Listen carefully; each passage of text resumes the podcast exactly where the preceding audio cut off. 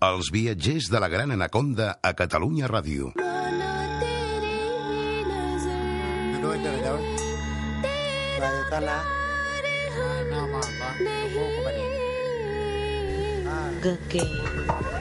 Please hear my English words of truth.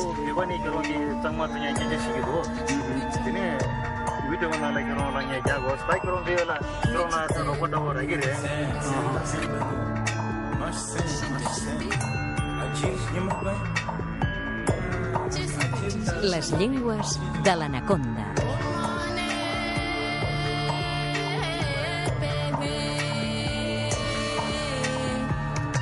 David Valls, què tal? Molt bé. Anem lluny, avui ens quedem a casa? Avui On anem... ens vols portar? Avui anem a prop, a prop, a prop. Ah, mira, no ens caldrà caminar gaire, doncs. No gaire, no. David Valls, lingüista. Avui, si et sembla, parlarem d'una llengua molt pròxima a la catalana, que bé, de fet, no sé si hauríem de dir que és una llengua pròxima a la catalana o la catalana és pròxima O a aquesta, gen- a, a aquesta llengua, exactament.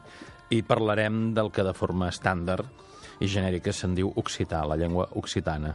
La llengua Que, a més a més, pròpia de Catalunya. Sí, que a més a més eh, hi ha molta gent que no ho sap, eh, és una llengua oficial a tot Catalunya i és una llengua pròpia de Catalunya, pròpia de la Vall d'Aran, per ser més... És a dir, que la, a partir de la Vall d'Aran s'escampa arreu del territori? Ah, això mateix, cap amunt. De fet, aquí ens ho mirem des de baix i diem que des de la Vall d'Aran s'escampa cap amunt. Però, de fet, la cosa és a l'inversa. Eh? És, eh, ells venen damunt i van arribar fins a la Vall d'Aran, bàsicament. I va quedar llengua, és la llengua nadiua, nadiua també ho direm d'aquella manera, de la Vall d'Aran, nadiua d'aquella manera perquè eh, si mirem la toponímia... Clar, a partir de quan s'és nadiu? Clar, a partir de quan s'és nadiu. Ho és, eh?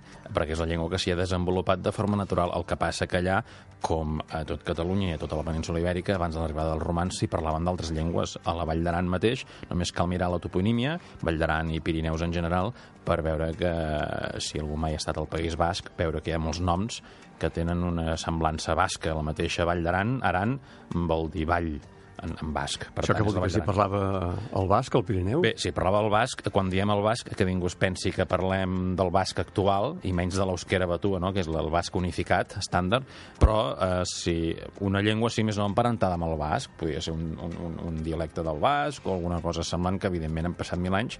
Si ara trobéssim alguna persona que parlés aquell basc, Home, seria molt gran, Joan. Ai, sí, David, a part, però bé, és molt probable que no hi hauria intercomprensió amb un basc, amb una persona que parlés basc actual. Eh? Llavors, Vall d'Aran vol dir Vall de Vall, sí, vall repetida, vall... Vall repetida. Hi ha bastants topònims d'aquesta mena repetits que se'n diuen tautopònims. Ja n'han parlat en algun programa, eh? com Pom de Suert. Suert també sembla, segons en Coromines, que ve, ve del basc o bascoide i que vol dir pont.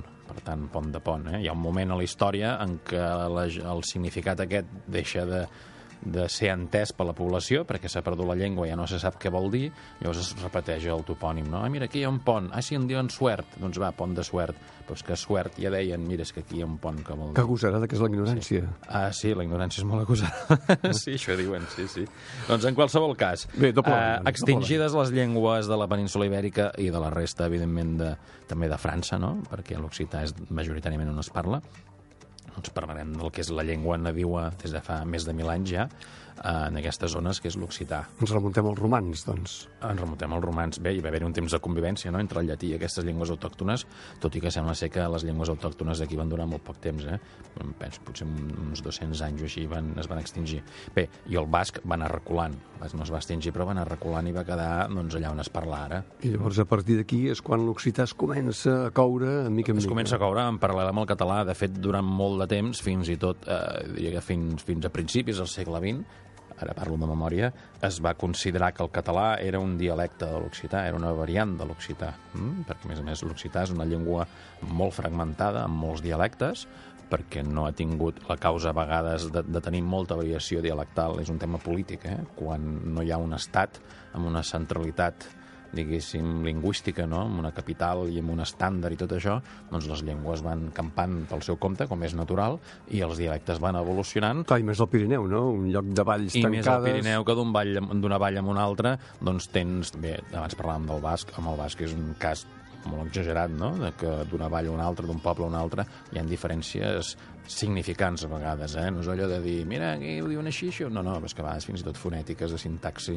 moltes diferències. I això amb l'occità passa perquè no hi ha hagut mai una unitat política. Per exemple, tens el cas del francès, que bé, va haver una unitat política, el francès que consideraven bo era el francès de París, no? I aquest és el francès que ha quedat estàndard, amb detriment també de les altres variants del francès mateix, eh? que han quedat arraconades i desprestigiades. I això passa tot arreu. L'anglès bo és el de Londres, el castellà bo és el de Madrid o el de Castella, per dir-ho així, i fins i tot amb el català diuen que el català bo és el de Barcelona o el central, no? Bé, el de Barcelona. Això ho marca l'Estat, el lloc on Sí, hi això ha marca el poder. capital, el poder. És on hi ha el eh? poder. Mm. A llavors, a Occitània, doncs, no hi ha hagut una unitat. Sí que hi ha hagut uns dialectes de més de prestigi, sobretot amb el temps dels trobadors, no? la llengua d'oc, que és també com es coneix l'occità. Oc vol dir sí, mm? versus les llengües d'oil, que és el francès, no? Però això ha fet que la llengua estigui molt fragmentada. Pensa que, a més a més, és una llengua que es parla amb una extensió de terreny molt àmplia, eh? perquè va des de... Bé, ara ens ho mirem des d'aquí baix, però va des de la Vall d'Aran fins a Itàlia, eh? fins a les balades occitanes. Balades volen dir valls. Allà també es parla occità. Ara, l'occità que es parla a les balades occitanes d'Itàlia i el que es parla a la Vall d'Aran, realment sí que hi ha intercomprensió, però és que també la intercomprensió hi és parlant en català, perquè s'assembla moltíssim, però bé, hi ha força diferències. I després tindríem, i ja arriba fins a Bordeus, per exemple, eh? i anar, tot el que és la meitat sud de França, per dir-ho així en termes genèrics, i Provença, el provençal famós, no deixa de ser una variant de l'occità. I ha el gascó per aquí. I el gascó, l'aranès és una variant del gascó, que potser de tots els dialectes és el més diferenciat, sobretot perquè té uns trets... Bé, a veure, s'assembla molt també al català, eh? El que passa que té uns trets fonètics una mica més diferents. Li va passar com al castellà, que les fricatives inicials, la F, per dir-ho així, eh? Doncs es van, es van tornar aspirades i ha mantingut aquesta aspiració. M'explico més en termes més planers. Més col·loquials, Més més col·loquials. col·loquials, eh? Doncs és el típic allò de farina, eh, aquesta F inicial, aquest so fricatiu inicial, en castellà es va fer aspirat. Durant molt de temps en castellà es deia harina, però aquest so aspirat en castellà es va perdre i ara es diu harina i es manté la grafia de la H, però amb gascó això s'ha mantingut. En gascó diuen harina i diuen hilla, hilla, filla. Eh? Llavors, amb aranès també va passar això, però aquest so aspirat eh, s'ha perdut com en castellà. Només que al nord de la Vall d'Aran eh, encara es conserva aquest so, i diuen harina, diuen hilla, i a més a més també passa la diftongació com en castellà, que ells diuen foc, diem, diuen fuego, no? però amb occità eh, el gascó ha regularitzat totes aquestes fricatives inicials i les ha convertit en aspirades i diuen huec, o sigui, fuec, foc, d'aquí ve. I és molt curiós tot això, no? Sí, i és curiós també que eh, la retolació dels carrers de moltes poblacions Sí, d'aquesta zona bilingüe. és bilingüe, és en Sí. francès i en occità. Eh? És occità. Sí, a veure, és una qüestió, deixem-ho dir així malament, eh? una mica folclòrica, d'intent. No, és que no m'atreviria a dir ni, revitalitz... ni intent de revitalització de la llengua perquè per rotular els carrers amb... Com si us vols posar també en llatí, no? És igual, no, no, per això no la gent no parlarà l'occità. Malauradament, l'occità és una llengua que es va deixar de transmetre mm. ja cap als anys 50, 60. Per alguna raó? Eh? Sí, bé, per la raó de que l'estat francès no li agradava l'occità i no li agrada, i es va desencoratjar també, diguem-ho així, suaument, el seu ús, no? Es va fer que els professors, sobretot els mestres a la República Francesa, han sigut uns grans agents de, de, de la República, no? Anant per les cases, parant l'orella, aviam si aquella casa es parlava francès, o occità, o català, o basc, o Oh, bretó. pràcticament estàs descrivint un espia, no pas un Sí, mestre. feien d'espies i de gent, de gent, sí, secrets o sense secret, no?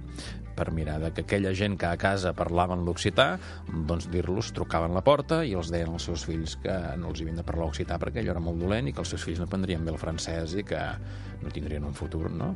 I a més a més també càstigs, eh? I a l'escola allò de posar l'alumne... Té un nom, això que ara no recordo. Un però- dia ens vas posar el testimoni d'una Sí, una dona que posar- recordava que la punyien que la punien, sí, a Catalunya Nord, quan parlava... li van trencar el nas doncs, amb l'occità tres quarts del mateix. I a la classe doncs, els hi posaven una penyora, aquells que parlaven occità, i llavors quedaven marcats, i esclar, ningú vol anar a classe que l'assenyalin, no? Oc, oc. I, oc. Doncs això mateix. Mm? Doncs així, clar, no ens ha d'estranyar que sigui difícil de trobar parlants sí, d'occità. és difícil no? trobar. N'hi ha, hi ha neoparlants, gent que l'ha pres de jove, però sí, queda molta gent gran que encara el parla. Alguns vídeos al YouTube, no? Sí, de fet, si algú vol sentir realment parlar occità, s'ha d'anar al YouTube. Hi ha vídeos molt interessants de gent gran, que a més a més el parlen de forma nativa, vol dir que no tenen aquell deix, aquell accent francès típic, i s'entén molt bé a vegades el que diuen, clar, depèn també del dialecte, on també has, has d'acostumar l'orella. I si eh? parlen ràpid, no? si parlen ràpid, depèn, no? I és acostumar bé l'orella, però quan ja vas agafant una mica l'accent, no? Doncs eh, s'acaba entenent força bé. Però malauradament, jo penso, penso, és la meva opinió, però sentir allò pel carrer, una, una conversa espontània en occità, és complicat, eh? Mm, avui en dia, no dic que en algun poble, algun lloc hi sigui, dins de les cases també. Ens haurem de conformar amb el gascó. Sí, el gascó potser és de les variants que es parla més. L'aranès també es pot sentir parlar perquè té aquest estatus d'oficialitat, s'ensenya a les escoles.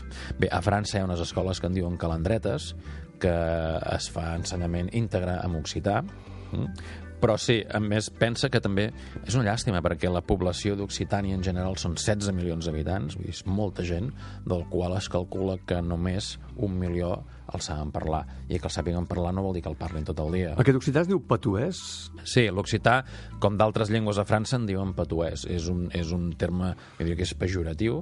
De fet, molta gent diuen que parlen patuès i ni tan sols saben el nom real de la seva llengua. I això m'hi he trobat, eh? Vas pels pobles preguntant si algú parla occità, molta gent et diu que no, perquè no saben ni què és la paraula occità, la gent gran, eh?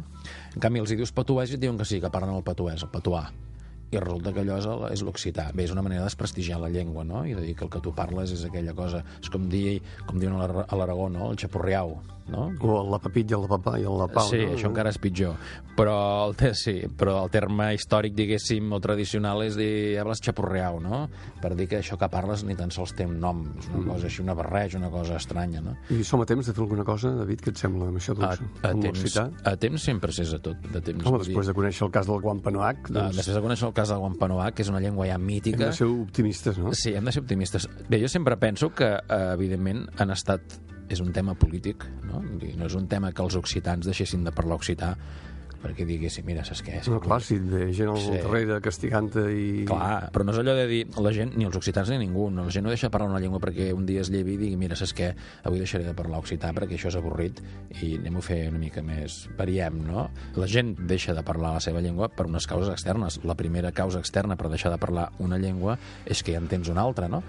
Perquè si no, no pots fer la substitució Està lingüística. clar, està clar. Eh? Que Però, no pas mut. Clar, si, si no hauries de quedar-te mut. El cas és que, responent a la teva pregunta, i jo sempre penso el mateix, si fa, posem, 50, 60, 70 anys, eh, o 100, la immensa majoria de gent occitana parlava l'occità i ara en poc menys de 100 anys hi ha hagut un procés de substitució lingüística, eh, amb una llengua que ningú parlava, ara la parla tothom, que és el francès, perquè és així de cert, eh? el francès no parlava pràcticament ningú eh? en aquestes zones, doncs ningú diu que d'aquí 100 anys pugui haver-hi un canvi polític que reverteixi la situació on pobles on ara tothom ja parla francès i només queden quatre avis que parlen occità, d'aquí 100 anys potser es capgira la truita i tornem a tenir gent que torna a parlar l'occità i el francès ha quedat relegat a gent gran que, bé, que parlaven el francès perquè ells havien passat... Ja se sap que la història és història cíclica a vegades, no? cíclica i capriciosa. I les calandretes no hi fan res? Les calandretes sí, el que passa que n'hi ha molt poques. Esclar, són poques i van pocs alumnes. Els alumnes que surten d'allà surten tots parlant occità. Que són les icàstoles de l'occità, sí, i les, i, sí, les icastoles de l'occità o, o les bressoles del català o el passa que és que n'hi ha poques. Si hi haguessin calandretes a tots els pobles i a totes les ciutats o només hi hagués calandretes, bé, esclar... eh, O grups de música, no?, que cantessin en occità. N'hi ha molts grups de música que canten occità i a més a més tens tot tipus de música. em, La música fa miracles, David, la música fa miracles. Des de música folk fins a rock heavy, rap, tens de tot amb occità. Realment sí que la llengua es pot dir que en el camp de la música és, és, és prou viva, eh?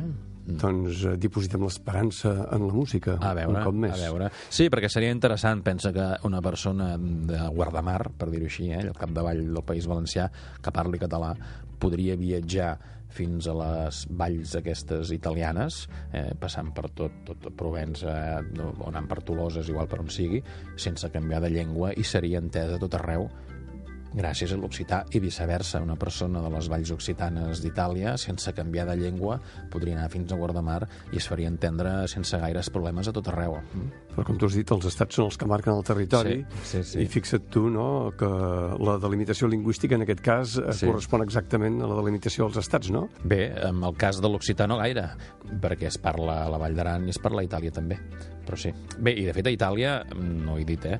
ho dic ara, històricament eh, sí que es parla les valls eh, en aquestes, però hi ha eh, un poble o dos, em penso, al sud d'Itàlia, que encara es conserva també l'occità perquè van ser occitans que van anar, van emigrar i van anar a viure allà. Clar, jo ho deia de forma majoritària, residualment sí, que és cert doncs, Sí. que, que no correspon una cosa amb l'altra. No? Correcte, sí, sí, sí. sí. David, Molt bé. moltes gràcies. A tu. A reveure. A reveure, adéu. Les llengües de l'anaconda, de David Valls. Ara també a les llibreries. Viena Edicions. Els viatgers de la gran anaconda.